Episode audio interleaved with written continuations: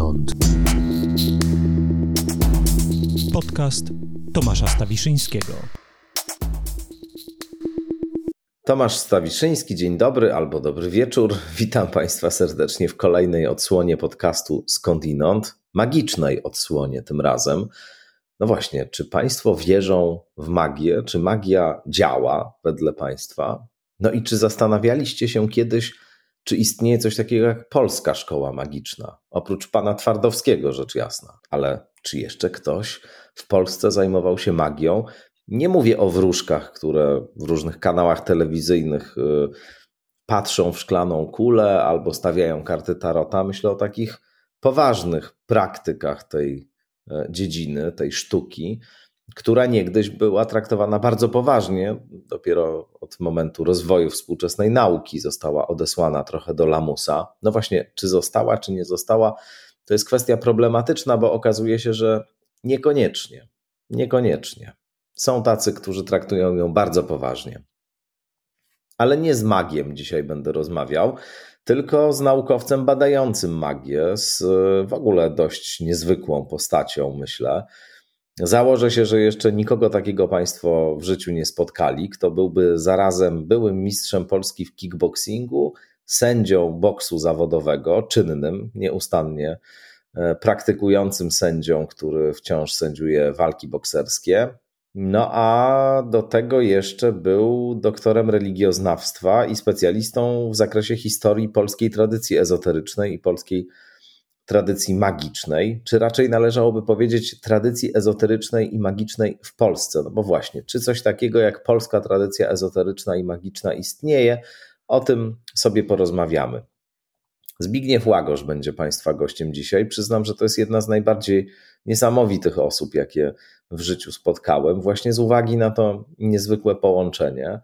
No ale to też jest e, człowiek, który bardzo dużo wie na temat tego, co tam w Polsce w różnych e, podziemnych nurtach duchowości alternatywnej się działo. No i dzieli się z nami tutaj dzisiaj opowieściami na ten temat. Zbigniew Łagosz jest autorem dwóch książek poświęconych postaci Czesława Czyńskiego. To osobliwy e, również człowiek, owiany czarną legendą satanisty, hipnotyzera, no w ogóle kogoś, kto budzi lęk i kogo w ogóle trzeba omijać szerokim łukiem.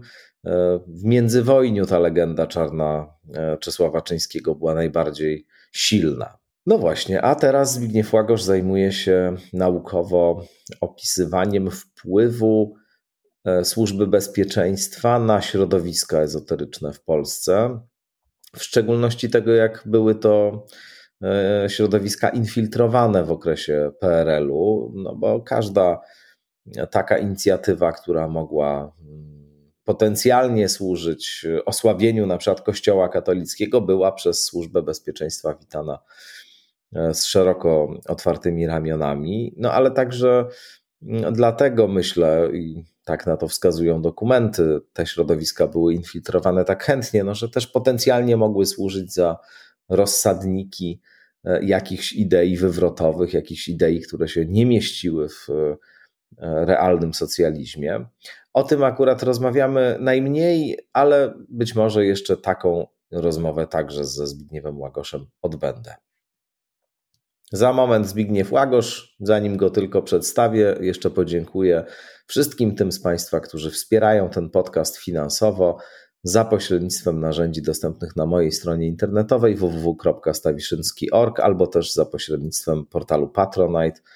Bardzo dziękuję. Przypominam dla tych z Państwa, którzy zdecydowali się mm, wspierać ten podcast kwotą powyżej 20 zł miesięcznie. Mamy specjalny newsletter, który wysyłam zawsze po e, każdym odcinku, i w tym newsletterze są różne rekomendacje lekturowe i nie tylko bezpośrednio powiązane z e, tematem podcastu, ale także takie, które się z tym łączą w sposób trochę bardziej luźny. Mamy też grupę na Facebooku. Mm, różne inne też, e, myślę, sukcesywnie, spokojnie, krok po kroku, formy i inicjatywy wokół podcastu Skądinąd będą się pojawiać. Jeśli możecie, jeśli macie na to ochotę, jeśli uważacie, że to jest cenne, co się tutaj dzieje, zachęcam do tego, żeby wesprzeć. No a teraz już przed Państwem dr Zbigniew Łagosz. Doktor Zbigniew Łagosz jest gościem w podcaście Skądinąd. Dzień dobry Zbyszku. Dzień dobry Tomku, witam serdecznie. Miło mi Ciebie gościć tutaj, choć tak sobie od razu pomyślałem, że należałoby Cię zaprosić na co najmniej kilka rozmów, żeby oddać sprawiedliwość wszystkim tym e, osobliwym, niezwykłym rzeczom, którym się, którymi się zajmowałeś albo się zajmujesz.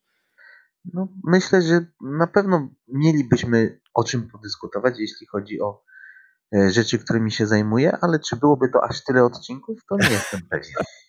No, jesteś jedynym znanym mi y, zawodnikiem kickboxingu, do tego sędzią boksu zawodowego i do tego jeszcze doktorem religioznawstwa i do tego jeszcze specjalizującym się w magii, okultyzmie i polskiej ezoteryce. To przyznam, jest naprawdę dość niezwykłe połączenie i wszyscy, którym, z którymi rozmawiam, a którzy albo jakoś gdzieś się z tobą zetknęli za pośrednictwem twoich książek na przykład, albo którym o tobie w jakimś kontekście opowiadam, to są pod dużym wrażeniem tego połączenia.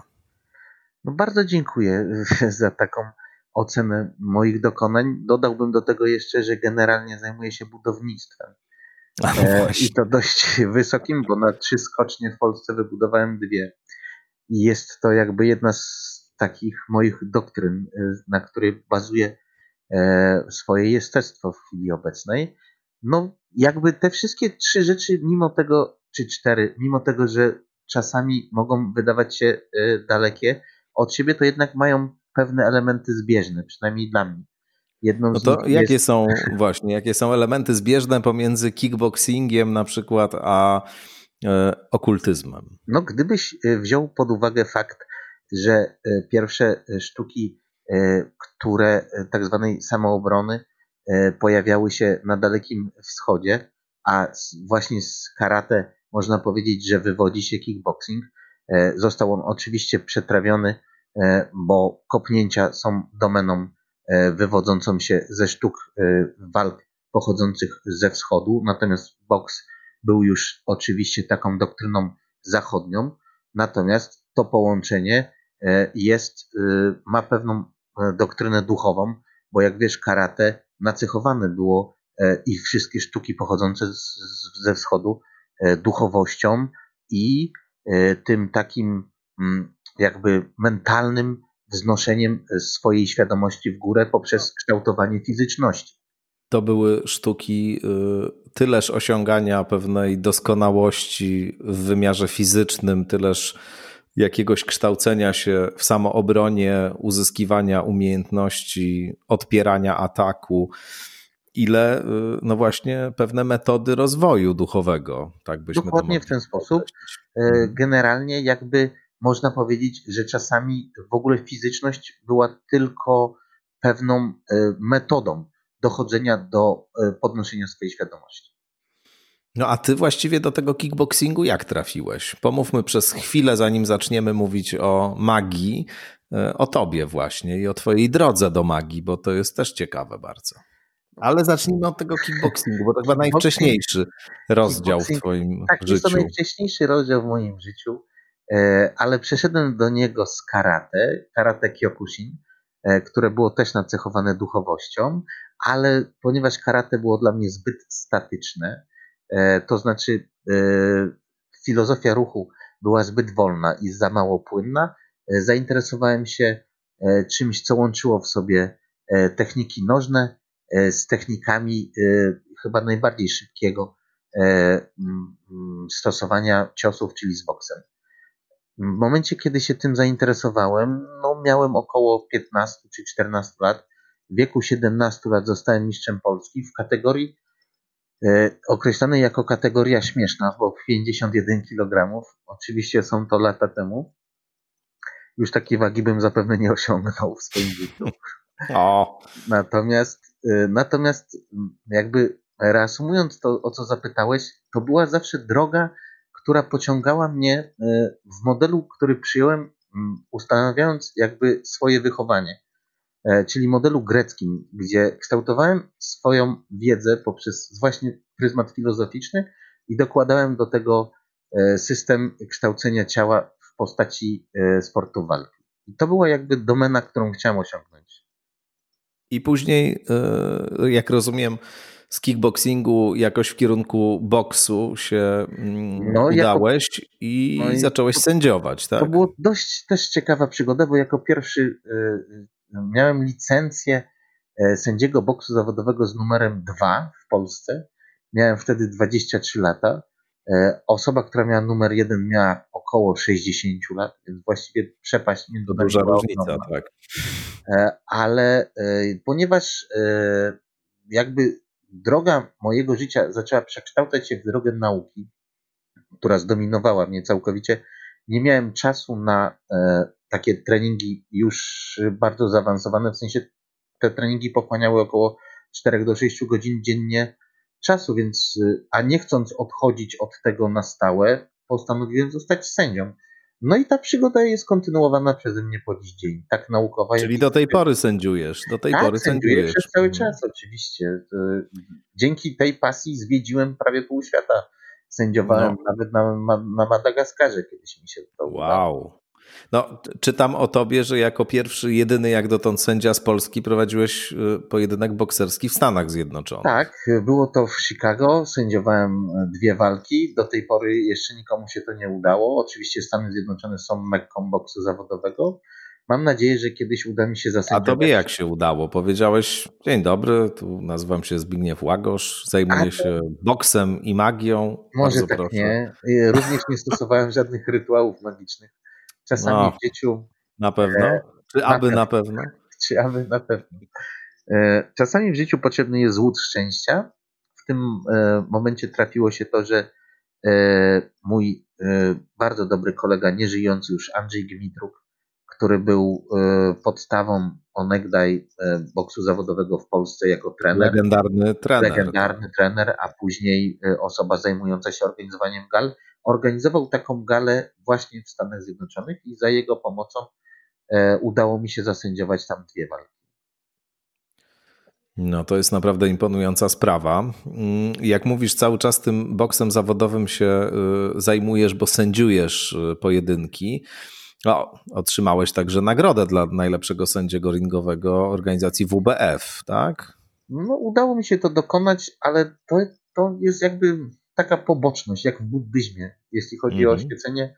W momencie, kiedy y, dostaje się oświecenia, nie wiem jak to jest, bo nie pracowałem nad tym punktem, e, można rzekomo dostać różnego rodzaju rzeczy, e, tak zwanych pobocznych, e, które pojawiają się w ciele lub na ciele i dochodzi również do otrzymania różnego rodzaju mocy. Psychicznych przede wszystkim. Tak jest. Dla mnie, jeśli chodzi tak o. Tak zwane siddhi. Dokładnie tak. Dla mnie, jeżeli chodzi o system boksu zawodowego, e, największym e, jakby siłą, która mnie dociągnie, jest odmienny stan świadomości, który otrzymuje się w momencie sędziowania takiej walki. Jeżeli ma się przed sobą dwóch, dwie osoby, dwóch wojowników, którzy czasami chcą się zabić i 25 tysięcy osób dookoła, bo takie walki sędziowałem, to stan świadomości wewnątrz tego ringu jest naprawdę bardzo ciekawy siła panowania nad sobą samym i siła panowania nad ludźmi dwoma, żeby y, zaczęli cię słuchać. Żeby się nie pozabijali. I żeby się nie pozabijali, żeby to wszystko szło w rytmie ustalonych zasad, bo pięściarstwo przecież na tym polega, jest niezwykle przyciągającą przynajmniej mój umysł. A to jest też chyba niesamowita odpowiedzialność, no właśnie choćby dlatego, że to jest jednak bardzo brutalny sport. Oczywiście te standardy brutalności dzisiaj są zupełnie inne niż powiedzmy 30, 40, 50 lat temu, no to już w ogóle. Jak oglądamy na przykład y, archiwalne walki, nie wiem, Mohameda Ali, to to jest naprawdę taka brutalna młódzka. I, no do, do i dzisiaj... konsekwencje zdrowotne chyba no, mogą być drastyczne i bywają drastyczne, a ty tam jesteś w środku i w jakimś sensie ponosisz też odpowiedzialność za to, co się dzieje. No. Musisz w odpowiednim momencie przerwać ten pojedynek, kiedy widzisz, że no może się wydarzyć coś właśnie bardzo, bardzo drastycznego. Często, no ja akurat sporo boksu oglądałem kiedyś, y, teraz już trochę mniej oglądam, ale kiedyś oglądałem i, no i wiem, że to są takie sytuacje, że po prostu sędzia się własny, sędzia pracuje własnym ciałem i własnym ciałem ryzykuje. Bez dwóch zdań. to jest dość znamienną rzeczą to, co poruszyłeś i bardzo ciekawą, choć nie myślałem, że będziemy rozmawiać w ogóle o tym, o tym sporcie, ale A, rzeczywiście sytuacja jest dość ciekawa, zwłaszcza, że w chwili obecnej, tak jak powiedziałeś, te standardy diametralnie się zmieniły.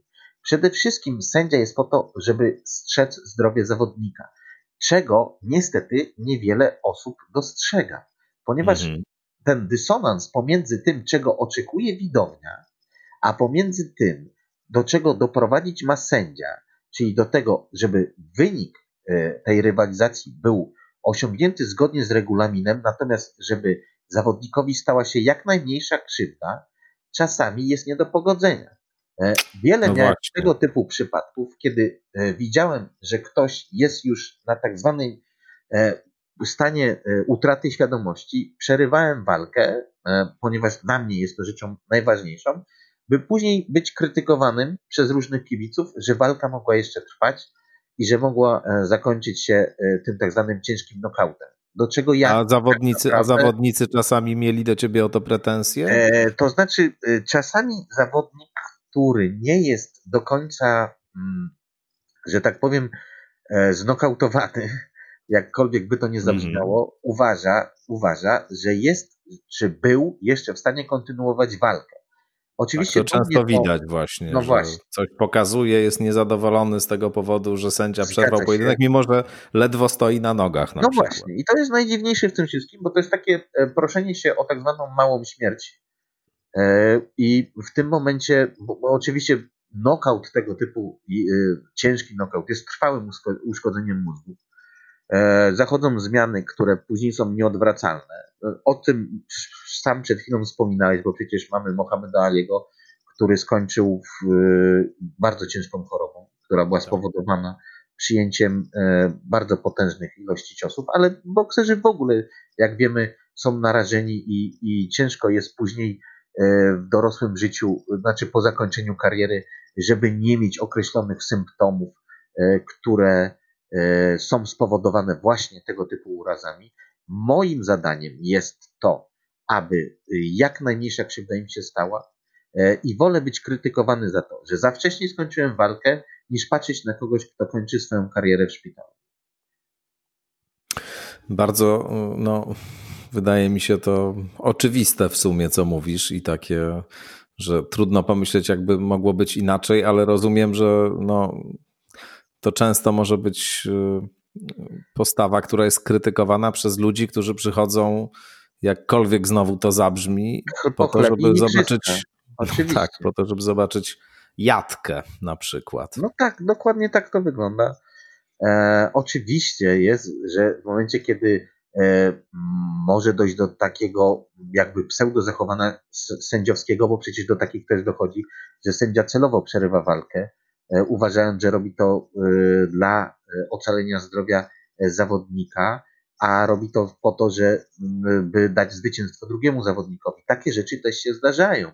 E, natomiast ja myślę, że dla mnie najważniejszym e, skalą e, tego mojego sędziowania jest jednak zachowanie przeze mnie ciągłego obiektywizmu sędziowskiego i mhm. jeżeli ja we własnym sumieniu uważam, że nie popełniłem błędu w ten sposób, że zachowałem to, co jest najważniejsze, czyli dbałość o zdrowie zawodnika, dla mnie to jest wystarczającą nagrodą tego y, sędziowania.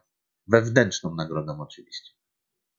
No dobrze, to, to teraz powiedzieliśmy o tym sportowej, o tej sportowym aspekcie twojego, twojego życia i pracy zawodowej y, też, oprócz tego, że pasji rzecz jasna, to pomówmy o o, o, części teoretycznej, naukowej.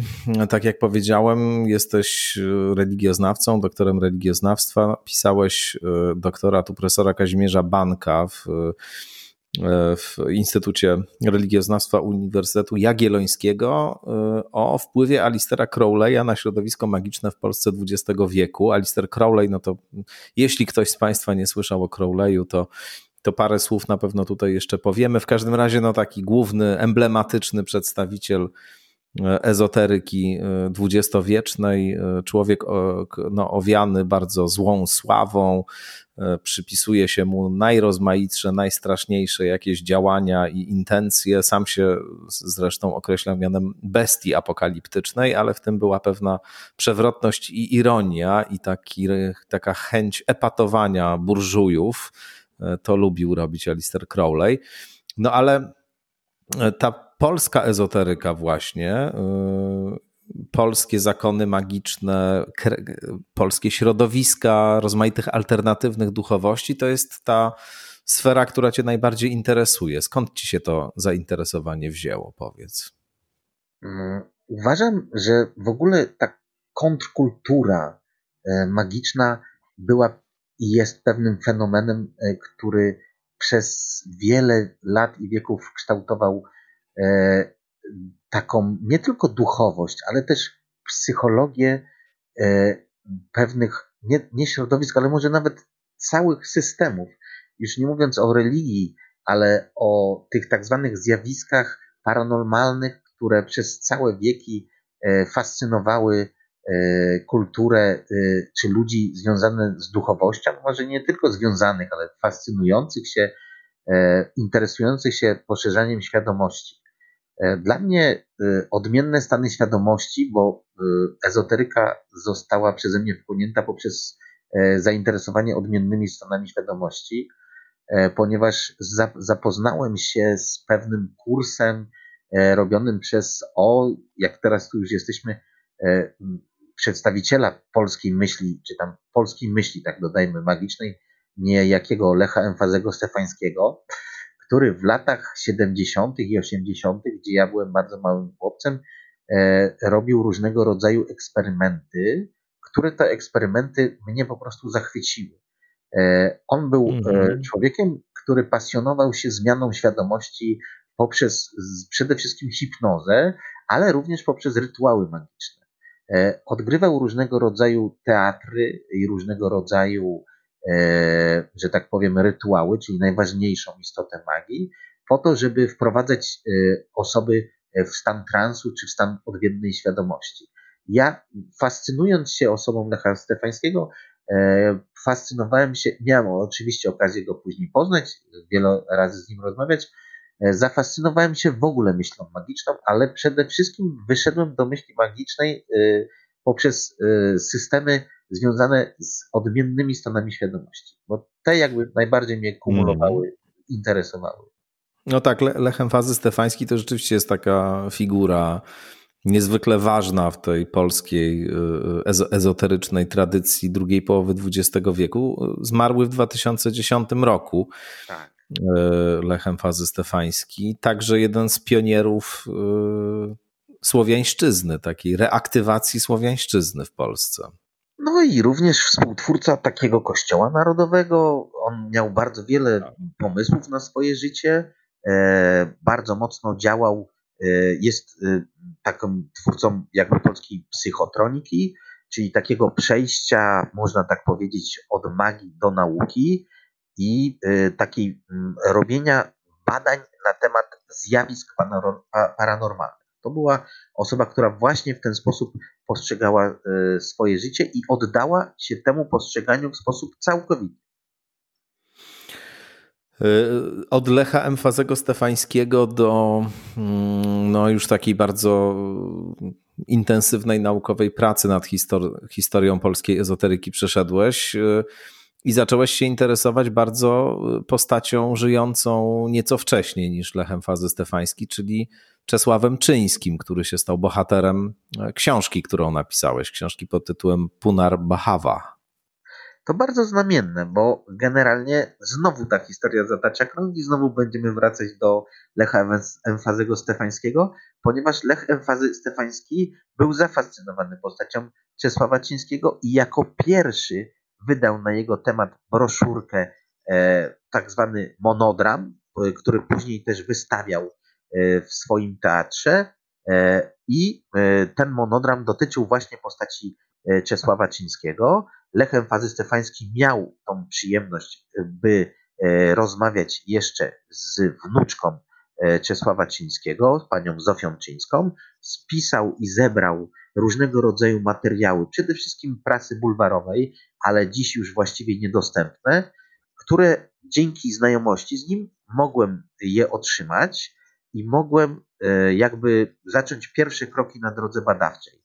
Chociaż e, to była już taka wypadkowa e, zainteresowania Czesławem Czyńskim, bo o tym, że Lechem Fański, Stefański się nim nie interesuje, znaczy interesuje, nie wiedziałem jeszcze, dopóki nie powiedział mi tego nasz wspólny przyjaciel Dariusz Misiuna, do którego Którego pozdrawiamy oczywiście. Pozdrawiamy oczywiście. Serdecznie. Do którego zadzwoniłem w 1900 98 bodajże roku z drżącym głosem, ponieważ jeszcze wtedy nie, nie znałem Darka Misiony, czytałem tylko jego teksty, zdobyłem jakimś cudem jego telefon, zadzwoniłem do niego i przedstawiłem się, spytałem się, czy pan Dariusz Misiuna, on mówi, że żaden pan, żebyśmy przeszli na ty. I zacząłem z nim rozmawiać na temat różnego rodzaju zjawisk ezoterycznych w Polsce. I to on, po raz pierwszy od niego usłyszałem imię i nazwisko Czesława Cińskiego, że to są właśnie ludzie, którymi powinienem się zająć w swojej drodze badawczej. I tak to się stało. To jeszcze słowo, słowo o Dariuszu Misiunie, o Darku Misiunie, który jest no, człowiekiem, instytucją niewątpliwie, to bez żadnej przesady można powiedzieć. Jeśli chodzi właśnie o wszelkie kwestie związane z różnymi transgresyjnymi światopoglądami, psychodelią, e, kulturą psychodeliczną, e, okultyzmem, i różnymi alternatywnymi duchowościami, socjolog, założyciel wydawnictwa Okultura, autor niezliczonych tekstów dotyczących właśnie historii y, tradycji ezoterycznej i w, Polsce, i nie tylko w Polsce. Mm, no właśnie, tak, to tak, żeby no, Państwo Dodać, mieli że jeśli chodzi o obraz. E, wiedzę na temat zachodniej tradycji ezoterycznej współczesnej, nie znam osoby o bardziej ugruntowanej wiedzy niż Darek Misiu. No tak, to prawda. Darek wie na ten temat wszystko. Zresztą y, umówiłem się z nim, że będzie tutaj y, któregoś dnia także moim gościem, więc wtedy będą mieli Państwo okazję się z tą wiedzą y, niesłychaną zetknąć. No dobrze, to w taki sposób się to zaczęło, a skończyło się na dwóch właściwie monografiach poświęconych Czyńskiemu, bo mm, także Czesław Czyński Czarny Adept to jest książka, którą o Czyńskim napisałeś. No i Wiele też tekstów jemu poświęconych y, opublikowałeś w różnych czasopismach, między innymi w czasopiśmie Hermajon, którego redaktorem naczelnym jest Dariusz Misiu narzeczony, a ty jesteś zastępcą redaktora naczelnego. Mm, ten Czyński tak głęboko cię zafascynował, właściwie dlaczego? Mówiąc o Czyńskim, mówimy o właściwie najważniejszej osobie e, świata międzywojnia, czyli tego e, wybuchu magii i ezoteryki, e, która zafascynowała całe polskie społeczeństwo. E, była to osoba związana z wszystkimi ówczesnymi, najbardziej znanymi luminarzami ezoteryki. Był uczniem Papisa, czyli Geralda Encasse. Był przedstawicielem zakonu martynizmu, martynistów na Polskę, Rosję i właściwie wszystkie kraje słowiańskie. Był osobą, która była szalenie kontrowersyjna za swojego życia, ale również i po śmierci. Generalnie był osobą, która pokazywała przekrój myśli magicznej tamtych czasów. Dla mnie osoba fascynująca. Zgłębiłem chyba wszystkie elementy jego życia, choć zostało mi jeszcze cztery albo pięć białych plam, e, które nie mogę odszyfrować. E, był on związany z wieloma skandalami jeden z tych skandali. Właśnie, bo to opisywan, opisywały jego życie tabloidy. To był naprawdę taki człowiek, który budził niezwykłe zainteresowanie, lęk, fascynację, czasem też zgorszenie e, taką przypiętą łatę satanisty i właśnie kogoś, kto jakieś tajemnicze satanistyczne obrzędy i orgie seksualne organizuje. Więc to był bohater zbiorowej wyobraźni w tamtym czasie. Bez wątpienia. E, dlatego właśnie się nim zainteresowałem. Natomiast satanizm, e, który był mu przypisywany, obaliłem w jednym z tekstów. Nigdy tak. satanistą nie był. Natomiast oczywiście do dziś, po dziś dzień e, jesteśmy świadkami, że łatkę satanistów, satanisty można otrzymać bardzo prosto i bardzo łatwo oczywiście nie mając satanizmem nic wspólnego. Pytanie, czym tak naprawdę jest satanizm? Jest satanizm, jest no właśnie, to jest też na, na bardzo duży program temat, właściwie temat rzeka. Natomiast Czesław Czyński był znany z dwóch niesłychanych przypadków.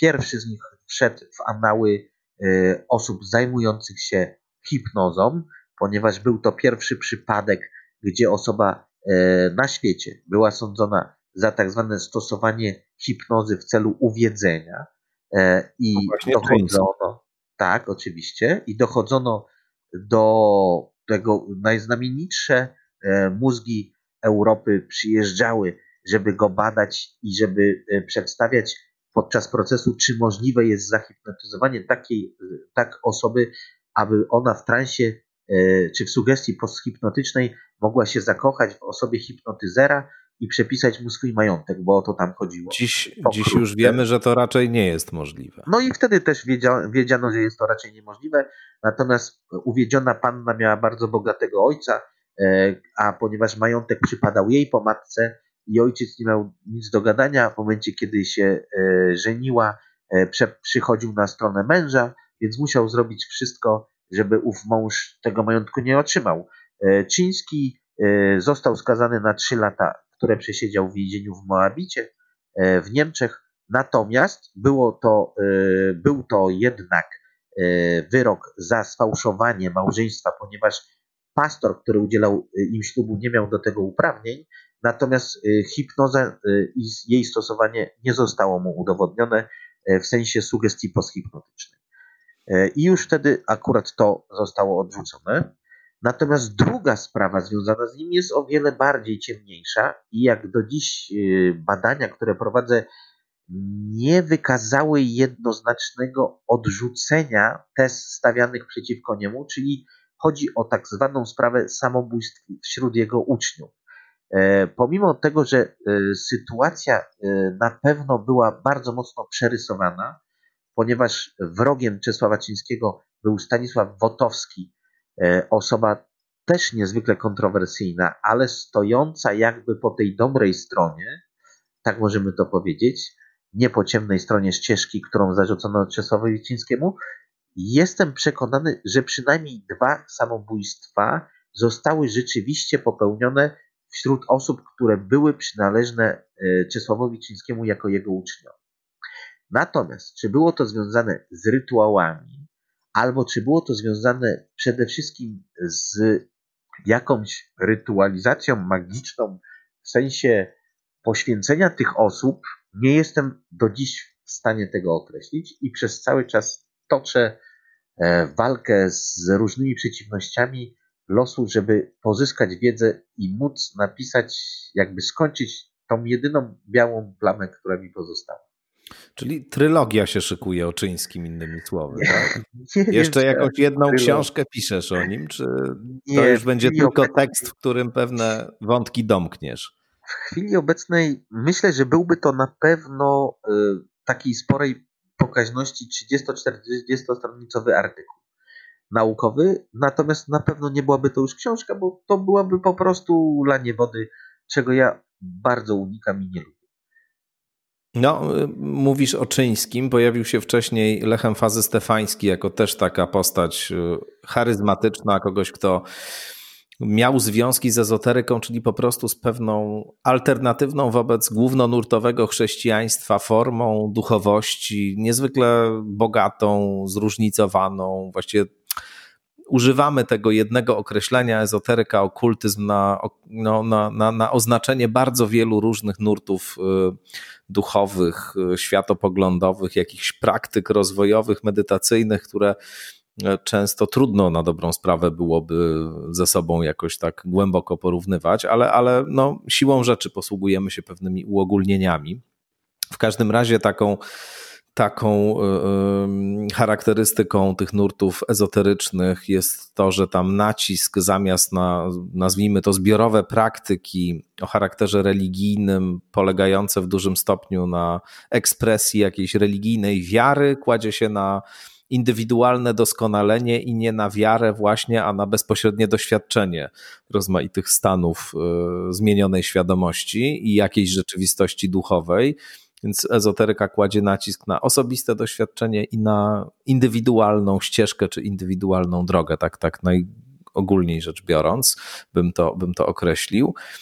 Y, mówiłeś, jak wspomniałem, o Czyńskim i o Stefańskim, ale zastanawiam się, czy jest do zrekonstruowania albo nazwania, y, albo czy ty po prostu coś takiego widzisz jako badacz polskiej y, ezoteryki, polskiej alternatywnej duchowości? No właśnie, jakiś rodzaj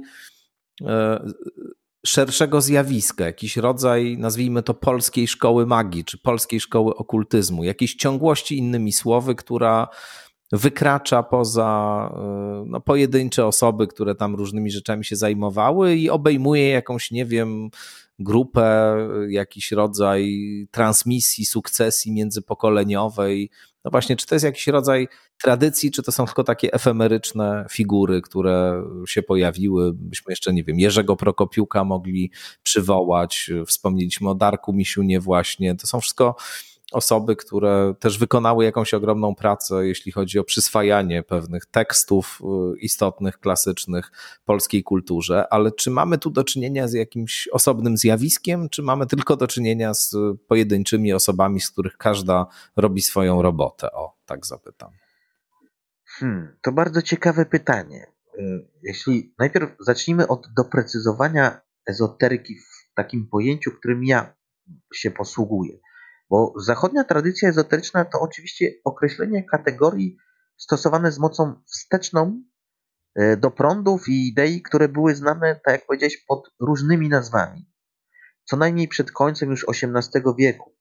Ale bardzo ciekawą e, w tym kontekście zawsze mam dwie definicje. Jedna bardzo prosta, ale człowieka, który jest jakby obecnie guru, e, jeśli chodzi o naukowe badanie ezoteryki, czyli Waltera Hanegrafa, który uważa ezoterykę za tak zwaną wiedzę odrzuconą. To bardzo ciekawe, dość proste, ale, jednoznaczne, ale niejednoznaczne i oczywiście to jest taki szereg, e, szeroki, mm, że tak powiem, kontekst. Natomiast mm, bardzo ciekawie to napisał Maciej Stępień w swojej niedawno wydanej książce, też fantastycznie, której uważa, że ezoteryka to jest zbiór idei ukształtowany przez zderzenie biblijnej i pogańskiej tradycji i długofalowe skutki tego spotkania, które należą wielorako mm, wiążące ze sobą nurty religijno-filozoficzne o tak zwanym charakterze alternatywnym, o czym już wspomniałeś, i dysydenckim w stosunku do głównych religii. Tak zawsze jest. E, jeżeli teraz chciałbym odpowiedzieć na Twoje pytanie, to jeśli patrzymy na tak zwane zjawisko jakiejś polskiej szkoły magii, to według mnie ono nie istnieje. Mm. Bo dla mnie polska szkoła magii musiałaby wiązać się z czymś, co musiałoby zostać wymyślone albo ukształtowane i nadane temu jakiś kierunek dostosowania. Jeżeli weźmiemy wspomnianego już na początku Alistera Crowley'a, to wiemy, że wymyślił i stworzył swój system magiczny zwany Telemon. Tak? I to jest y, dla mnie szkoła magii, bo on podał coś, e, powiązał to z rytualizacją, e, z ćwiczeniami, e, powiązał różne systemy, ale podał pewną strukturę i narzędzia. Natomiast u nas w Polsce, jeżeli mówimy o magii, bo, bo możemy też mówić na przykład o astrologii, bo astrologia, polską szkołę astrologii na pewno ma. No, oczywiście. No właśnie. Natomiast jeśli ja chodzi tylko o. Odeślę ewentualnie, jeśli ktoś z Państwa byłby szczególnie zainteresowany akurat kwestią astrologii, do rozmowy z doktorem Piotrem Piotrowskim, którą tutaj o, skądinąd odbyłem i można jej sobie posłuchać. No więc Polska Szkoła Magii według mnie, być może oczywiście się mylę, ale według mojej wiadomości i rzeczy, które przebadałem, nie powstała w tym względzie, żebyśmy mieli osobę, która stworzyła system e, nie dość, że znany, to jeszcze, e, który jest uprawiany i poprzez to ma swoich adherentów. Mm, mieliśmy osoby, które zazwyczaj, albo w 99%, a jeden z tych procentów może być mi nieznany, bo zawsze to w nauce dopuszczam, że wszystkie te osoby wywodziły się już z jakiegoś ukształtowanego nurtu. Czy był to nurt teozofii, czy był to nurt magii ceremonialnej, powstałej poprzez e, takie osoby jak John Dee, e, czy na przykład e, no, Alistera Crowley'a to mieliśmy najmniej przypadków, ale tego typu osoby wywodziły się albo od martynizmu, już wspomnianego, czyli od papusa i od wcześniejszych twórców tego systemu, albo jeszcze z innych szkół, które to szkoły narodziły się gdzieś zupełnie indziej i nie narodziły się w Polsce. Nie mamy takiej ścieżki e, magicznej, e, która mówi, że no, mieliśmy oczywiście tego słynnego Twardowskiego, ale właściwie nic o nim nie wiemy. Natomiast czy powstała szkoła e, myśli Twardowskiego? No nie powstała taka szkoła. Do dziś nie ma też pewności, kim on był tak naprawdę. Chociaż tutaj mamy oczywiście kilku badaczy, którzy kiedyś się tym zajmowali, jak choćby Roman Bugaj. E, wspaniały zresztą. Autor, autor e, takiego dwutomowego dzieła o hermetyzmie. Dokładnie. Bardzo tak. ciekawej książki, takiej Bardzo. przez wiele lat właściwie będącej chyba jedynym kompendium w języku polskim, czy w każdym razie takim, które wyszło spod pióra polskiego autora, które e, całą tę tradycję hermetyczną jakoś właśnie brało i, i ujmowało, tak. No właśnie w tym kontekście ujęć różnorakich e, to chciałbym zwrócić uwagę jakby tak pobocznie na wspaniałą tego typu książkę, która kilka lat temu powstała, ale dotyczącą alchemii, też jednej z dziedzin. Rafała Prinkę pewnie tak, masz na myśli książkę. Tak. No, mhm. Nie byłbym sobą, gdybym go tutaj nie wspomniał, ponieważ dla mnie, jeśli chodzi o alchemię, jest to guru. E, Zwodniczy Ogród Błędów się nazywa. Zwodniczy Ogród książka. Błędów, fantastyczna książka. E, no to, to nawet nie jest książka, bo to jest po prostu arcydzieło. Cegła, e, cegła przy tak, okazji. Cegła, cegła przy okazji, jak cegła, to pozdrówmy również fenomenalnego profesora Tadeusza Cegielskiego, który akurat też jest fa fantastycznym fenomenem, ale ty, jeśli chodzi o y, tak zwaną wolnomularstwo. Jego książki. Pozdrawiamy. Tak jest, pozdrawiamy serdecznie. I reasumując, y, bo troszkę się oddaliłem, ja nie dostrzegam polskiej szkoły magii, natomiast dostrzegam osoby, które się nią zafascynowały i oddały jej życie, i spod których piór wyszło wiele e, różnego rodzaju traktatów i pism, jednak generalnie owe były wtórne. No właśnie, to jest bardzo ciekawe, bo mamy te środowiska, już zostańmy przy XX wieku, bo, bo żeby już nie, nie gdzieś popaść w jakieś takie rozważania o, o całościowej historii polskiej, ale jakby patrzymy na XX wiek, czyli na okres y, no, takiej ekspansji różnego rodzaju ezoterycznych y, szkół, światopoglądów, mówi się w tym kontekście o odrodzeniu magii wręcz, czy odrodzeniu zainteresowania magią, którego pierwszym właśnie e, pierwszym sprawcą jest Alistair Crowley, później, później ta cała tradycja jeszcze no, w kilku momentach przeżywa takie momenty, takie chwile ekspansji, na przykład w latach 60., kiedy, kiedy kontrkultura w Stanach Zjednoczonych kwitnie i nie tylko w Stanach Zjednoczonych, no to wówczas te rozmaite alternatywne duchowości, także wschodnie, z których część można pod kategorię ezoteryki chyba podpiąć, no przeżywa taki okres niesamowitego niesamowitego rozwoju, ale no mamy takie środowiska, nie wiem, polskich teozofów, wspomniałeś o teozofii właśnie, to egzotyczna dość doktryna, e, której autorką w przeważającej mierze, przynajmniej w pewnych fundamenta, fundamentach i podstawach była Helena Pietrowna Bławacka, też bardzo ciekawa postać, niezwykle interesująca pod wieloma względami. E, antropozofia w Polsce, czyli nurt wywodzący się z teozofii, założony przez Rudolfa Steinera, ucznia Heleny Bławackiej, początkowo, później no, takiego jednego z największych e, ezoteryków e, dwudziestowiecznych, twórcy właściwie całego projektu alternatywnej cywilizacji. Tutaj Jerzy Prokopiuk wspomniany był czy jest wciąż taką postacią, która wprawdzie nie zrzeszona w żadnych stowarzyszeniach antropozoficznych, ale bardzo intensywnie propagowała i propaguje te, te antropozofię, ale jest też towarzystwo antropozoficzne.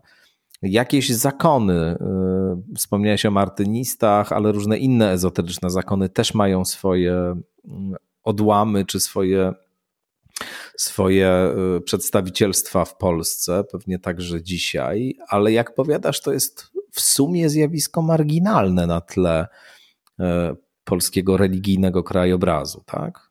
No oczywiście to zawsze były obrzeża. E, zawsze były te obrzeża i oczywiście to obrzeżami pozostanie.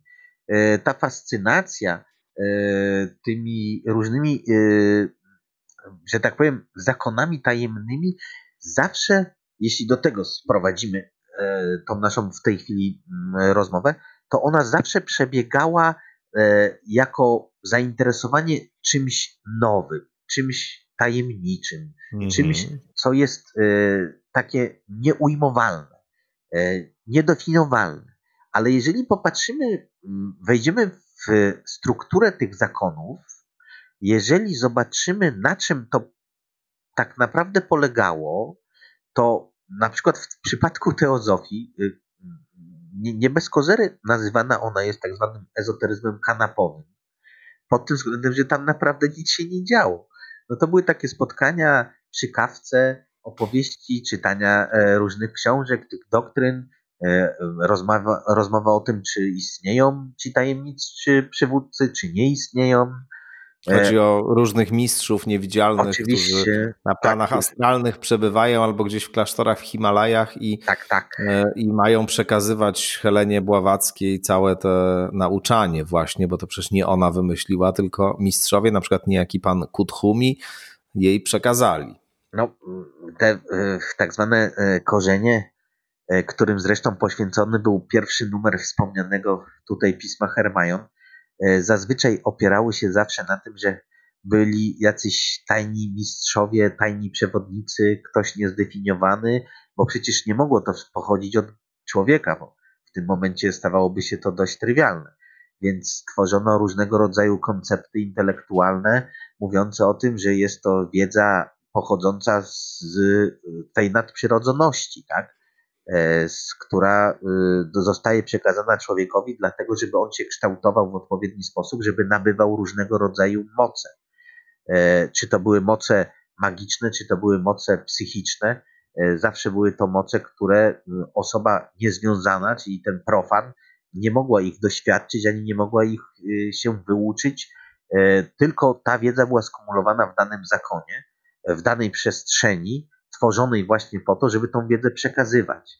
E, jeżeli weźmiemy struktury e, tych różnego rodzaju e, zakonów, no to one, czy, czy, czy, czy ja spotkałem na przykład, to jest bardzo ciekawe, osobę, która legitymuje swoje umiejętności w sposób taki, że nie wiem, na przykład zacznie lewitować, albo zacznie na przykład mocą swoją poruszać różnego rodzaju przedmioty, czy robić inne tego typu rzeczy, to ja takiej osoby nie spotkałem. Mimo tego, że znam się, osoby... Tych, od, od le, tych, tych, lewitujących to obawiam się, że nikt nigdy nie spotkał.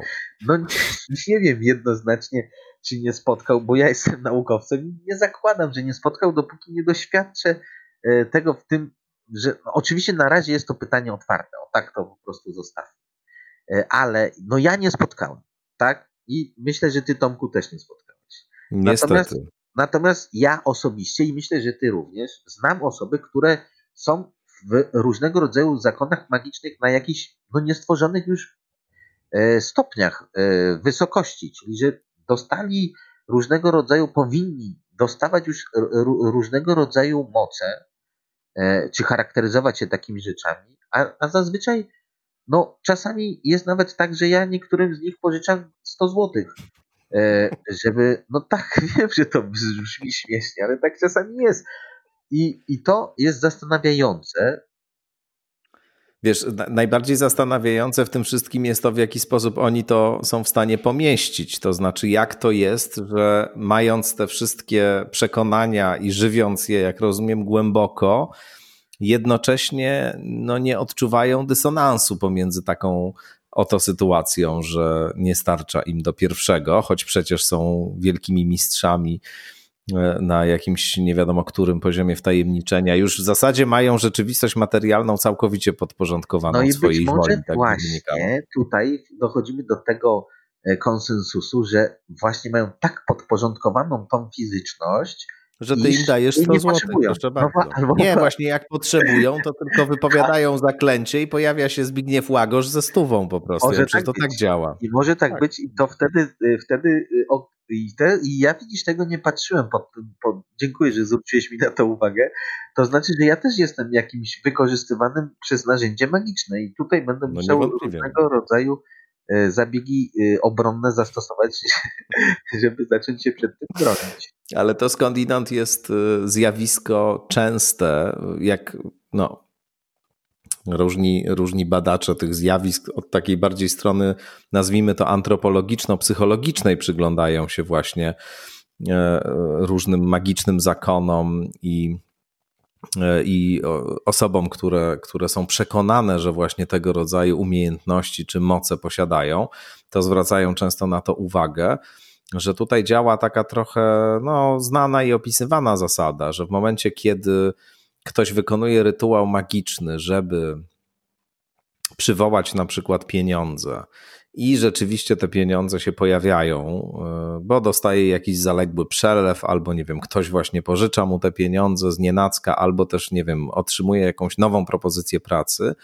no to przypisuje to e, skuteczności swojej magii, przypisuje to właśnie temu, że wykonał magiczny rytuał i no proszę, jest efekt. A w momencie, kiedy to się nie dzieje, no to wówczas przypisuje to temu, że źle ten rytuał wykonał, a nie temu, że magia nie działa.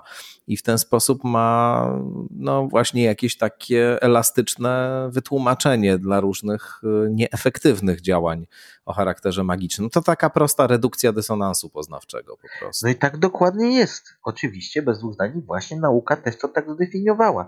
Oczywiście o tym wspomina, już wspominał y, przecież y, fantastyczny antropolog polski Bronisław Malinowski, który właśnie obserwował tego rodzaju różnego zabiegi magiczne pod względem doktryny, którą się zajmował i mówił, że magia pojawia się zawsze tam, gdzie coś jest niewytłumaczalne, gdzie mamy coś, co może się nie udać.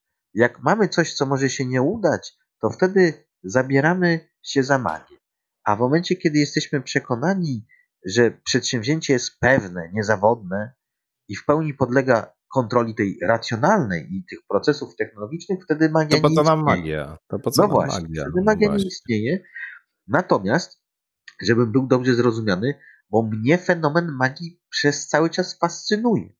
I ja y, uważam, kiedyś zadałeś takie piękne pytanie na jednym z naszych spotkań y, w, w grupie, y, to było bodajże podczas transwizji, tak. czy magia istnieje. I, I Darek Misiuna, wspomniany tu już kilkukrotnie, czy magia działa? Ci, czy, czy magia, magia działa? działa? Tak, odpowiedział ci i tak, i nie.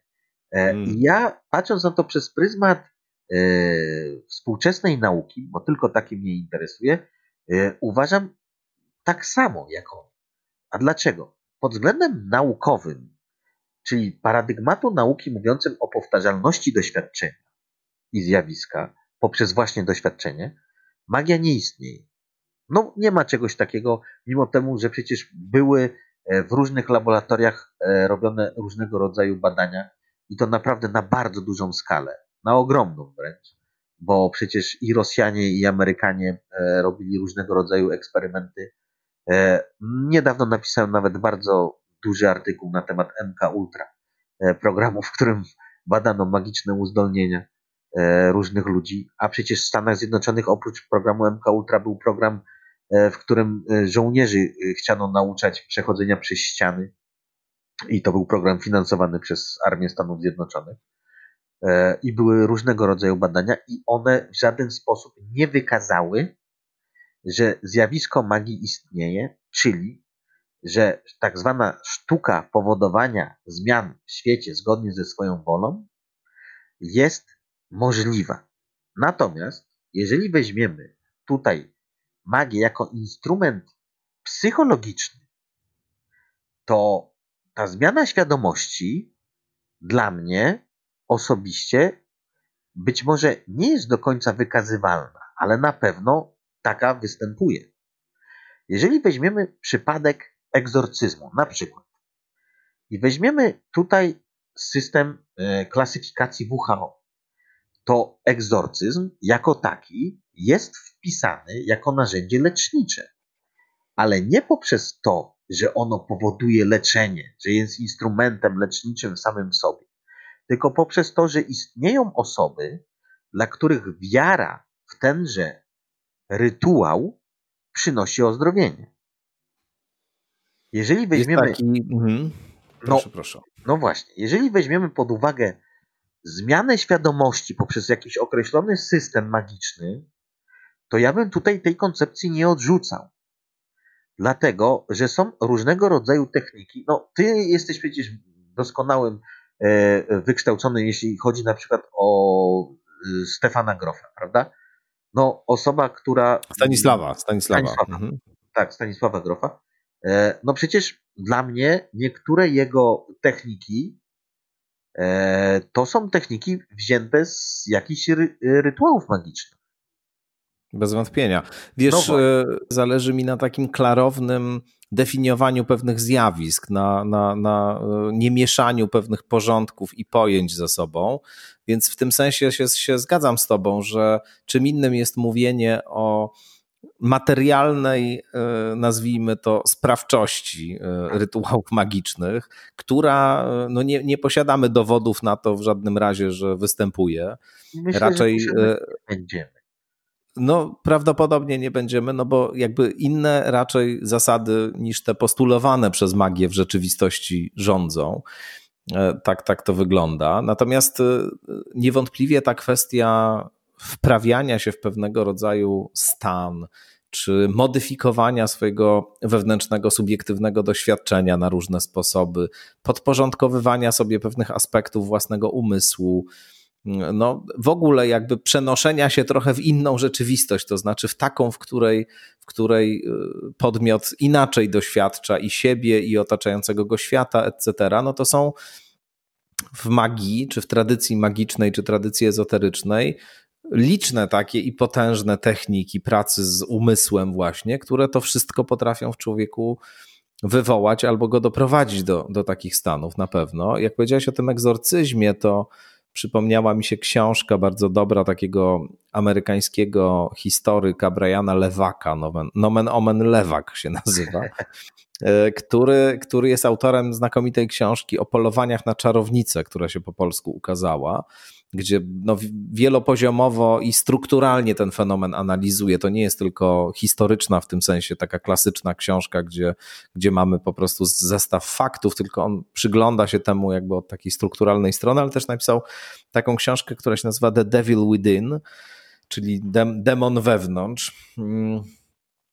Czy wewnętrzny demon i, yy, czy diabeł. I to jest książka właśnie, w której on się przygląda temu fenomenowi egzorcyzmów, głównie w, 17, od XVII wieku w górę.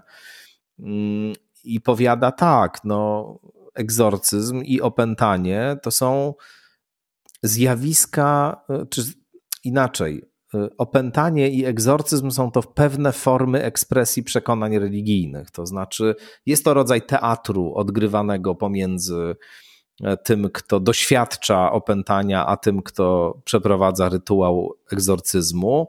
Oni się w jakimś sensie na mocy pewnych przyjmowanych wspólnie wierzeń, w cudzysłowie umawiają, że będą te role odgrywać.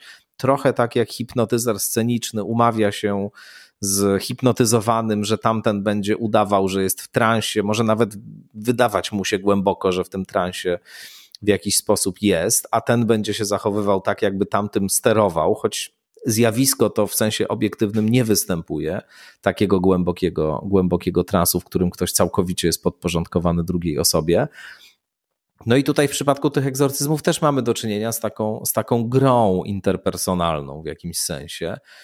Przy czym właśnie pewnym warunkiem e, skuteczności tej gry jest e, no, rodzaj dobro, dobrowolnego zawieszenia niewiary. Tu sięgnę poznane pojęcie z e, teorii teatru, czyli, czyli takiego no właśnie zawieszenia sceptycyzmu i przekonania, że rzeczywiście to wszystko się dzieje naprawdę w cudzysłowie. Więc to są niezwykle ciekawe psychologiczne zjawiska i, i rzeczywiście w kręgach magiczno-ezoterycznych, to można te zjawiska tak bezpośrednio obserwować i jest to super interesujące.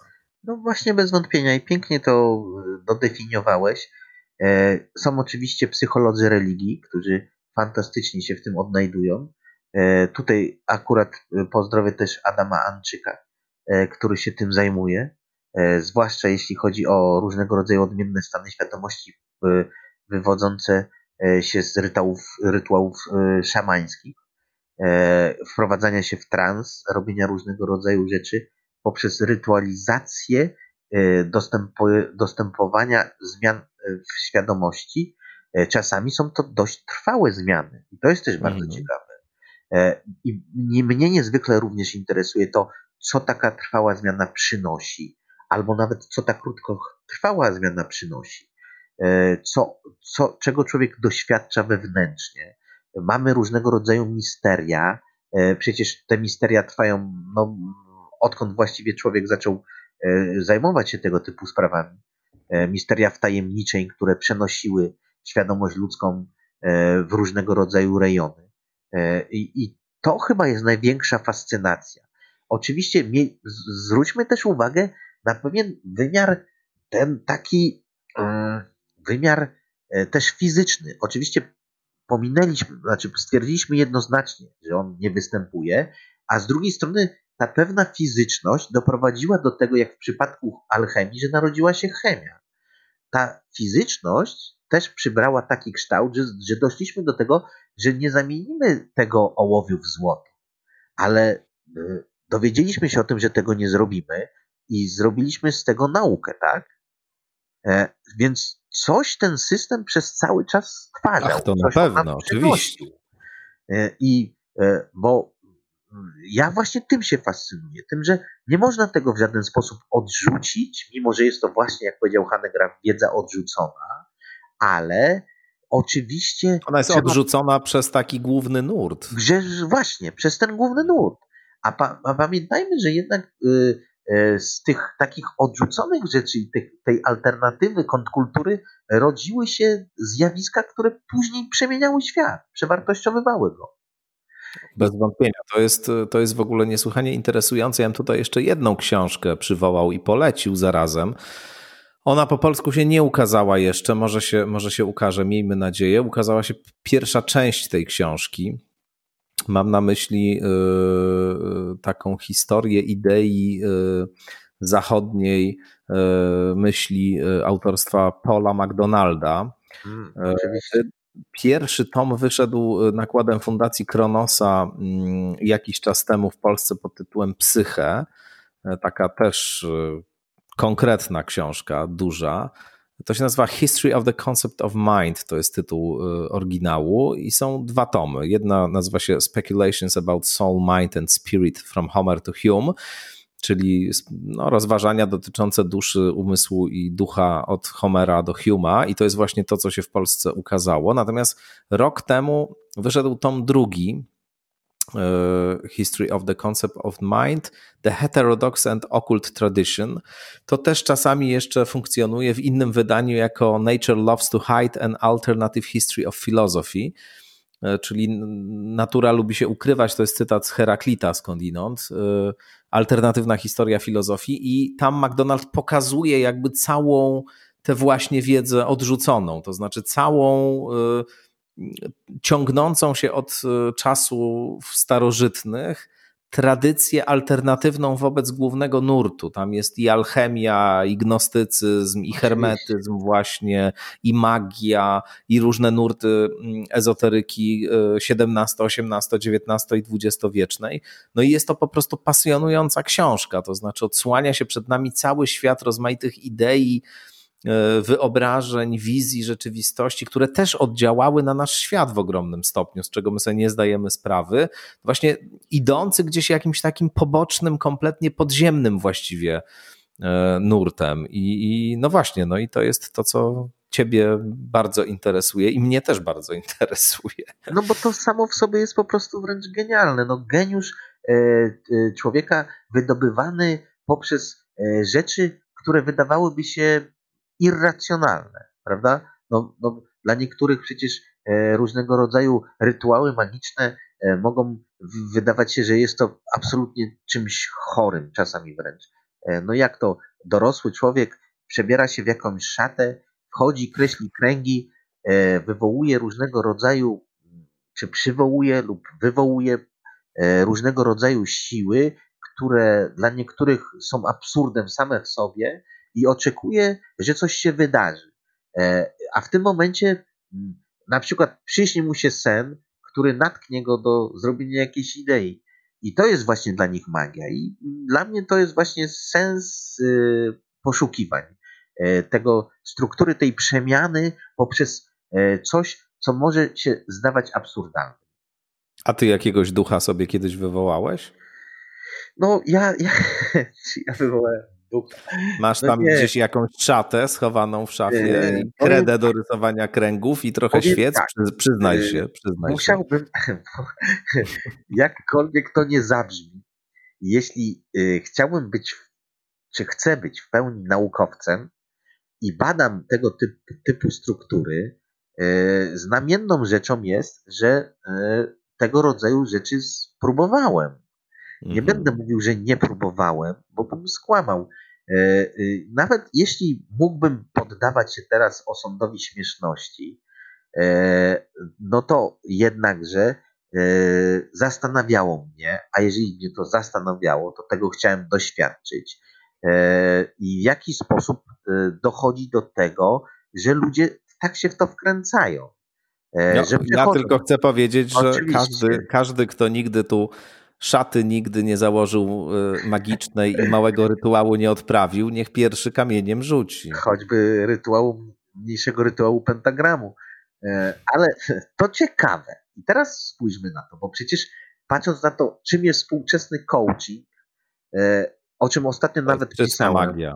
No właśnie. No to jakby tośmy inaczej to określili? No po prostu te programowanie mówiąc o tym, jak się chronić, jak być asertywnym, jak e, e, robić różnego rodzaju rzeczy, mówiąc o tym, że jesteśmy pewni siebie, no to to są rzeczy wywodzące się naprawdę z magii, z, z ezoteryki, tylko po prostu przedefiniowane. Ale przedefiniowane, generalnie przedefiniowane lingwistycznie w swojej doktrynie. Ale więc ja, odpowiadając na to pytanie, E, rzeczywiście odprawiałem rytuały, bo chciałem wiedzieć, o co w tym wszystkim chodzi. Natomiast Jak, z jakim efektem? E, właśnie, efekty, których doświadczyłem, e, były dla mnie jakby takimi efektami. No, no, no, no nie było to wielkie wow, o tak powiem, generalnie. Aha. Generalnie nie było to wielkie wow, ale z drugiej strony muszę przyznać, że E, sama natura tego wydarzenia e, pozwoliła mi na zrozumienie pewnych aspektów e, tego, czym w ogóle te osoby, patrząc na tego maga, który je fascynował, czym one mogły być owładnięte. O, te, ten mechanizm jakby tej gęsiej skórki, że tak to nazwę, tego przyciągania, tej yy, niby mocy, tej ujawniania. Nie wiem, tutaj oczywiście możemy też patrzeć na to przez ten pryzmat, że człowiek zawsze potrzebował rytuału, prawda? Bo jeżeli popatrzymy na to, co się dzieje w kościele, e, jakiejkolwiek tam, e, jakiegokolwiek systemu, to ludzi głównie zawsze ciągnął rytuał do tego. Oprócz przywiązania, które jest tam wpajane od dziecka, to jednak też ważną rolę spełnia rytuał, tak? E, który tam występuje. Oczywiście. No właśnie, więc tutaj. W ogóle jeżeli... w naszym życiu jest mnóstwo magii, tak A, no, naprawdę. No, Z tego tak. nie zdajemy sprawy, ale nieustannie jakichś działań o charakterze magicznym dokonujemy. Zgadza się. No i teraz, czy potrafimy to oddzielić, czy potrafimy to wykorzystać, to tutaj będziemy mieli albo maga, albo pseudomaga. No właśnie, tylko jak to rozróżnić? No to to już zapraszam do różnych zakonów inicjacyjnych i tam na pewno taką wiedzę uzyskamy. Wróćmy e, jeszcze do Polski, bo e, powiedzieliśmy trochę o magii, o ezoterycznej tradycji w ogóle, a przecież zaczęliśmy rozmawiać od, o, o, od tego, że mówiliśmy o polskiej magii, o polskiej tak. ezoteryce. Jest jeszcze jedna postać, która, bo, bo wspominałem, że mamy te charyzmatyczne postacie, której nazwisko tu nie padło, a powinno paść. Też niezwykle interesujący życiorys. Robert Walter, człowiek, który był, y, tak twierdził, jasnowidzem, astrologiem, homeopatą, no w ogóle zgłębiał wszelkie takie dziwne dyscypliny, jeśli można tak powiedzieć, a zarazem też y, uczniem szkoły waldorskiej, y, jednej z pierwszych szkół waldorskich mm, poza granicami Polski do tej szkoły waldorskiej uczęszczał. To jest właśnie szkoła, która, no, czy szkoły w tej chwili cały, cała sieć szkół, których założycielem był Rudolf Steiner właśnie i które działają wedle e, antropozoficznych przekonań i, i, wizji człowieka. To jest też temat na osobną rozmowę. Ciekawe zjawisko, bardzo osobliwe w ogóle. Często też tak e, nie łączy się zupełnie tej całej pedagogiki waldorfskiej z ezoteryką. Wydaje się, że to po prostu jakiś pomysł na, na pedagogikę, na prowadzenie szkoły, a to jest głęboko zakorzenione właśnie w antropozofii Rudolfa Steinera. No ale później też człowiek, który, który no, uchodził za wielkiego wtajemniczonego i praktyka ezoteryka, nie tylko teoretyka, ale także praktyka. Jego uczniem był m.in. Jerzy Prokopiuk, ale też e, profesor Andrzej Wierciński, ty pisałeś zresztą o Walterze w jednym z numerów Hermajonu, pamiętam taki twój tekst, gdzie mm, zajmowałeś się między innymi także donosami, które na niego e, pisano i, i rozpracowywaniem go przez e, służby bezpieczeństwa. To w ogóle jest temat, którym też się sporo zajmujesz, infiltracja tych środowisk ezoterycznych w Polsce przez służbę bezpieczeństwa. E, no ale e, znowu, e, w, 20, w drugiej połowie XX wieku mamy tego Waltera, mamy Lecha Emfazego Stefańskiego, to takich dwóch praktyków, nazwijmy to, ludzi, którzy się tym zajmują nie tylko tak jak Prokopiuk teoretycznie, ale także prowadzą jakieś działania takie mm, o charakterze, nazwijmy to, ezoteryczno-magicznym, a ktoś jeszcze, jest jeszcze ktoś porównywalny, może mniej znany, albo też w każdym razie istotny, oprócz Emfazego Stefańskiego oprócz Roberta no, Waltera? Najpierw dokończę może o Walterze, a później odpowiem na Twoje pytanie. Y, oczywiście Robert Walter y, był w tej szkole waldorskiej w Stuttgarcie, y, natomiast no, to jest takie bardzo ciekawe, bo ta szkoła, o której mówisz, że niby nie jest łączona, ale w grancie, który teraz zrobiliśmy, E, pod przewodnictwem pani profesor Moniki Rzeczyckiej e, na temat e, zachodniej tradycji ezoterycznej.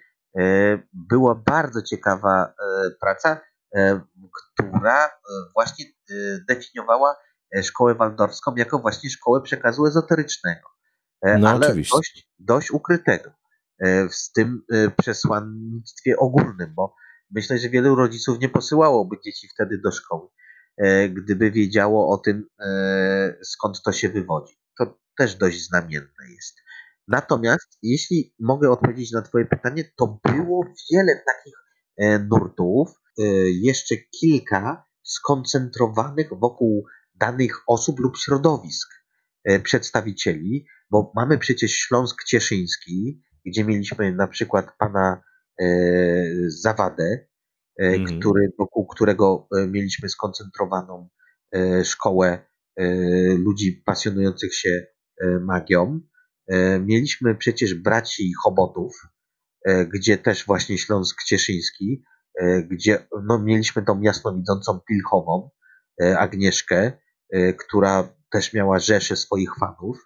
Mieliśmy kilka osób, które fascynowały się taką e, naukową e, badaniem ezoteryki e, weźmiemy tutaj na przykład, musimy tu wymienić choćby postać Ochorowicza, który badał media i oczywiście on no to nie był na pewno praktyk magiczny, ale to była jedna chyba z pierwszych takich poważnych postaci, notabene bardzo mająco po tym spore kłopoty poprzez to, że zajął się badaniem tej wiedzy odrzuconej e, i zawsze możemy o nim wspomnieć, ale właśnie dlaczego o nim wspominam, bo on e, osiadł w Wiśle, e, też oczywiście nieprzypadkowo, ponieważ właśnie Wisła jako taka i Śląsk Cieszyński była źródłem, gdzie istniało spore towarzystwo ezoteryczne, w sensie ludzi pasjonujących się ezoteryką,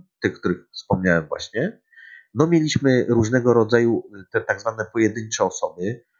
Tutaj też możemy wspomnieć Błażeja Włodarza, który był jednym z uczniów Czesława Czyńskiego, a później poszedł w troszeczkę inną doktrynę i był związany z, ciekawe, w tym kontekście łączenia tego satanizmu z wegetarianizmem i z ezoteryką. No Właśnie tak, on demon, demon wypędzany Salcesonem, masz tego na myśli demona. Tak, tak, właśnie do tego chciałem wspomnieć, bo, bo właśnie Błażej Włodarz jako ezoteryk y, zaczął promować yy, tak zwane y, jarską kuchnię. No, mieliśmy y, w międzywojniu jeszcze kilku przedstawicieli którzy, no mieliśmy na przykład inżyniera Osowieckiego, też warto o nim wspomnieć, tak? E, to był Jasnowic, e, którym fascynowała się jego życiem cała ówczesna Polska i który miał, no, mo, można powiedzieć, że, że był głośniejszą postacią niż obecnie polski jasnowic pan Krzysztof Jackowski, tak? Mhm. Mieliśmy tego typu osoby, które mieliśmy ludzi, którzy szli w tę ezoterykę y, wschodnią, e, w mistycyzm.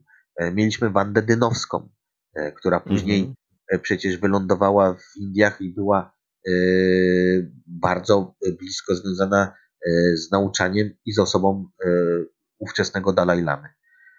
No mieliśmy takich przedstawicieli i ta, jest wiele osób, które są do dziś nieopisane. Ja zafascynowałem się ostatnio kolejną osobą, e, ale no, no, no, już są tylko szczątkowe informacje. E, hrabia, hrabia Jaksa Roniker, e, który podobno no, był osobą zawładniętą satanizmem jako takim. I mówi się o tym, że miał potężną, taką rytualną salę, w której odprawiał różnego rodzaju rytuały. Jego biblioteka była fantastyczna. E, później y, jego jakaś z nim związana osoba z jego rodziną była oskarżona o morderstwo i to y, osoby ze szczytu władzy, więc to też szalenie ciekawa rzecz. No, oprócz tego było jeszcze e, towarzystwa związane e, z wojskowością, bo przecież ówcześnie e, lata międzywojnia e, bardzo mocno zafascynowały przecież środowiska wojskowe. Weźmy takiego, e, taką osobę Tokarzewskiego Karas, Karasiewicza, związanego, to był wojskowy wysokiego szczebla, który tworzył własne zakony na podbudowie teozofii. I to bardzo ciekawe, bo właśnie w tych zakonach formowały się też różnego rodzaju e, agendy e, specjalizujące się, agendy wywiadowcze. Mieliśmy sprawę Rudolfa Czajkowskiego, który założył fantastyczną siatkę szpiegowską na podbudowie teozofów. Napisał o tym wraz ze mną Tomek Krok, który bada tego typu przypadki ezoterki w wojsku. Także no naprawdę te, te, tego typu zjawisk jest ogrom. Mhm. A y, całkiem współcześnie? O, no, współczesną. Ja nie liczę e, e oczywiście takich, wiesz, nie liczę jakichś takich coachów, którzy używają y, właściwie czegoś, co na dobrą sprawę jest y, no, jakąś taką oczywiście uproszczoną formą praktyk magicznych. Nie liczę jakichś tam, prawda, wróżek, E, jasnowidzów i tak dalej. Mam, myślę o takim bardziej jakby esencjalnym, gęstym e, uprawianiu e, okultyzmu czy ezoteryki jakoś tam zinstytucjonalizowanym, to znaczy nie polegający na tym, że ktoś tam sobie w domu coś czyta i robi, tylko no, mamy jakieś tam zakony magiczne na przykład w Polsce. To jest pewnie Oczywiście. rzeczywistość, z której istnienia ogromna część naszych słuchaczy, słuchaczek sobie w ogóle nie zdaje sprawy, że działają na przykład w Polsce zakony magiczne. No oczywiście, że działają i działają bardzo prężnie. E, jednym e, z najbardziej prężnych zakonów magicznych, wywodzących się właśnie od Alistera Crowley'a, jest zakon Ordo Templi Orientis, czyli zakon Templariuszy Wschodu, e, z ugruntowaną pozycją systemu magicznego, który ma w naszym kraju sporo przedstawicieli, ale mamy również zakony, które są kultywowane od właśnie przedwojnia, które trwają po dziś dzień. Co ciekawe, akurat teozofia nie przetrwała, martynizm nie przetrwał, ale są zakony inicjacyjne, które mają jeszcze w sobie ryt ten właśnie steinerowski wspomniany przez ciebie, które budują na tej wiedzy określone spotkania i określone rytuały. Są jeszcze co, co bardzo ciekawe, znamienne, że jest kilka mocno działających zakonów satanistycznych e, w naszym kraju. Jest e, zakon dziewięciu kątów, e, są zakony, które, tak zwana świątynia Seta, które ma swoich przedstawicieli. No, mm, można powiedzieć, że rzeczywiście, jeśli się. Świątynia Seta w Polsce, mój tak, Boże. Ma swoich przedstawicieli, tak? Oczywiście, jak najbardziej. E, no, no w ogóle ta sprawa związana z satanizmem jest niezwykle też ciekawa, bo, bo zobaczmy, co się dzieje w Stanach Zjednoczonych, prawda? E, w tym momencie oni uzyskali status pełnoprawnej religii. E, stawiają posągi Bafometa. W Detroit, w Detroit ten posąg Bafometa już przecież od dłuższego czasu stoi. Pewną ciekawostką, ciekawostką jest to, że przedstawiciele kościoła szatana ze Stanów Zjednoczonych wytoczyli jakiś czas temu proces to się chyba jakąś ugodą ostatecznie skończyło, twórcom serialu Sabrina, który jest do obejrzenia na Netflixie. Bardzo fajny serial zresztą, przynajmniej e, jego pierwszy sezon, bo drugiego nie, nie oglądałem, ale tam właśnie pojawia się figura Bafometa jako, e, jako po, posąg, który stoi w szkole czarownic, w której uczy się główna bohaterka. No i okazało się, że jest to właśnie specyficznie taki autorski y, wariant y, tej figury. To jest w ogóle postać y, z książek Elifasa Lewiego wywiedziona, domniemane bóstwo, któremu składać mieli hołd templariusze, bo tam byli oskarżani o to, że, że czczą diabła właśnie. Elifas Lewi twierdził, że, że to Bafometa właśnie czcili, a nie diabła. W każdym razie figura dość osobliwa, taki ludzko, ludzko-zwierzęco, męsko-kobiecy twór. No ale właśnie wytoczyli proces y, sataniści amerykańscy twórcom Sabriny, że, że mianowicie korzystają z ich wizerunku Bafometa, no i jakoś to zostało polubownie załatwione, ale to rzeczywiście jest y, światopogląd, religia, trudno powiedzieć jak to nazwać, który, który zdobywa sobie w Stanach Zjednoczonych coraz większą popularność. Przy czym y, sataniści amerykańscy prezentują się jako tacy racjonaliści, naturaliści, humaniści, to Dokładnie nie jest żaden tak. taki Dokładnie tak. moglibyśmy sobie tutaj wyimaginować. Tak, to nie jest y, składanie ofiar z dzieci na pewno. E, natomiast to jest dość ciekawe, w jaki sposób y, zdobywają coraz szersze kręgi zainteresowań. Oni już mogą wchodzić normalnie z nauczaniem do szkół.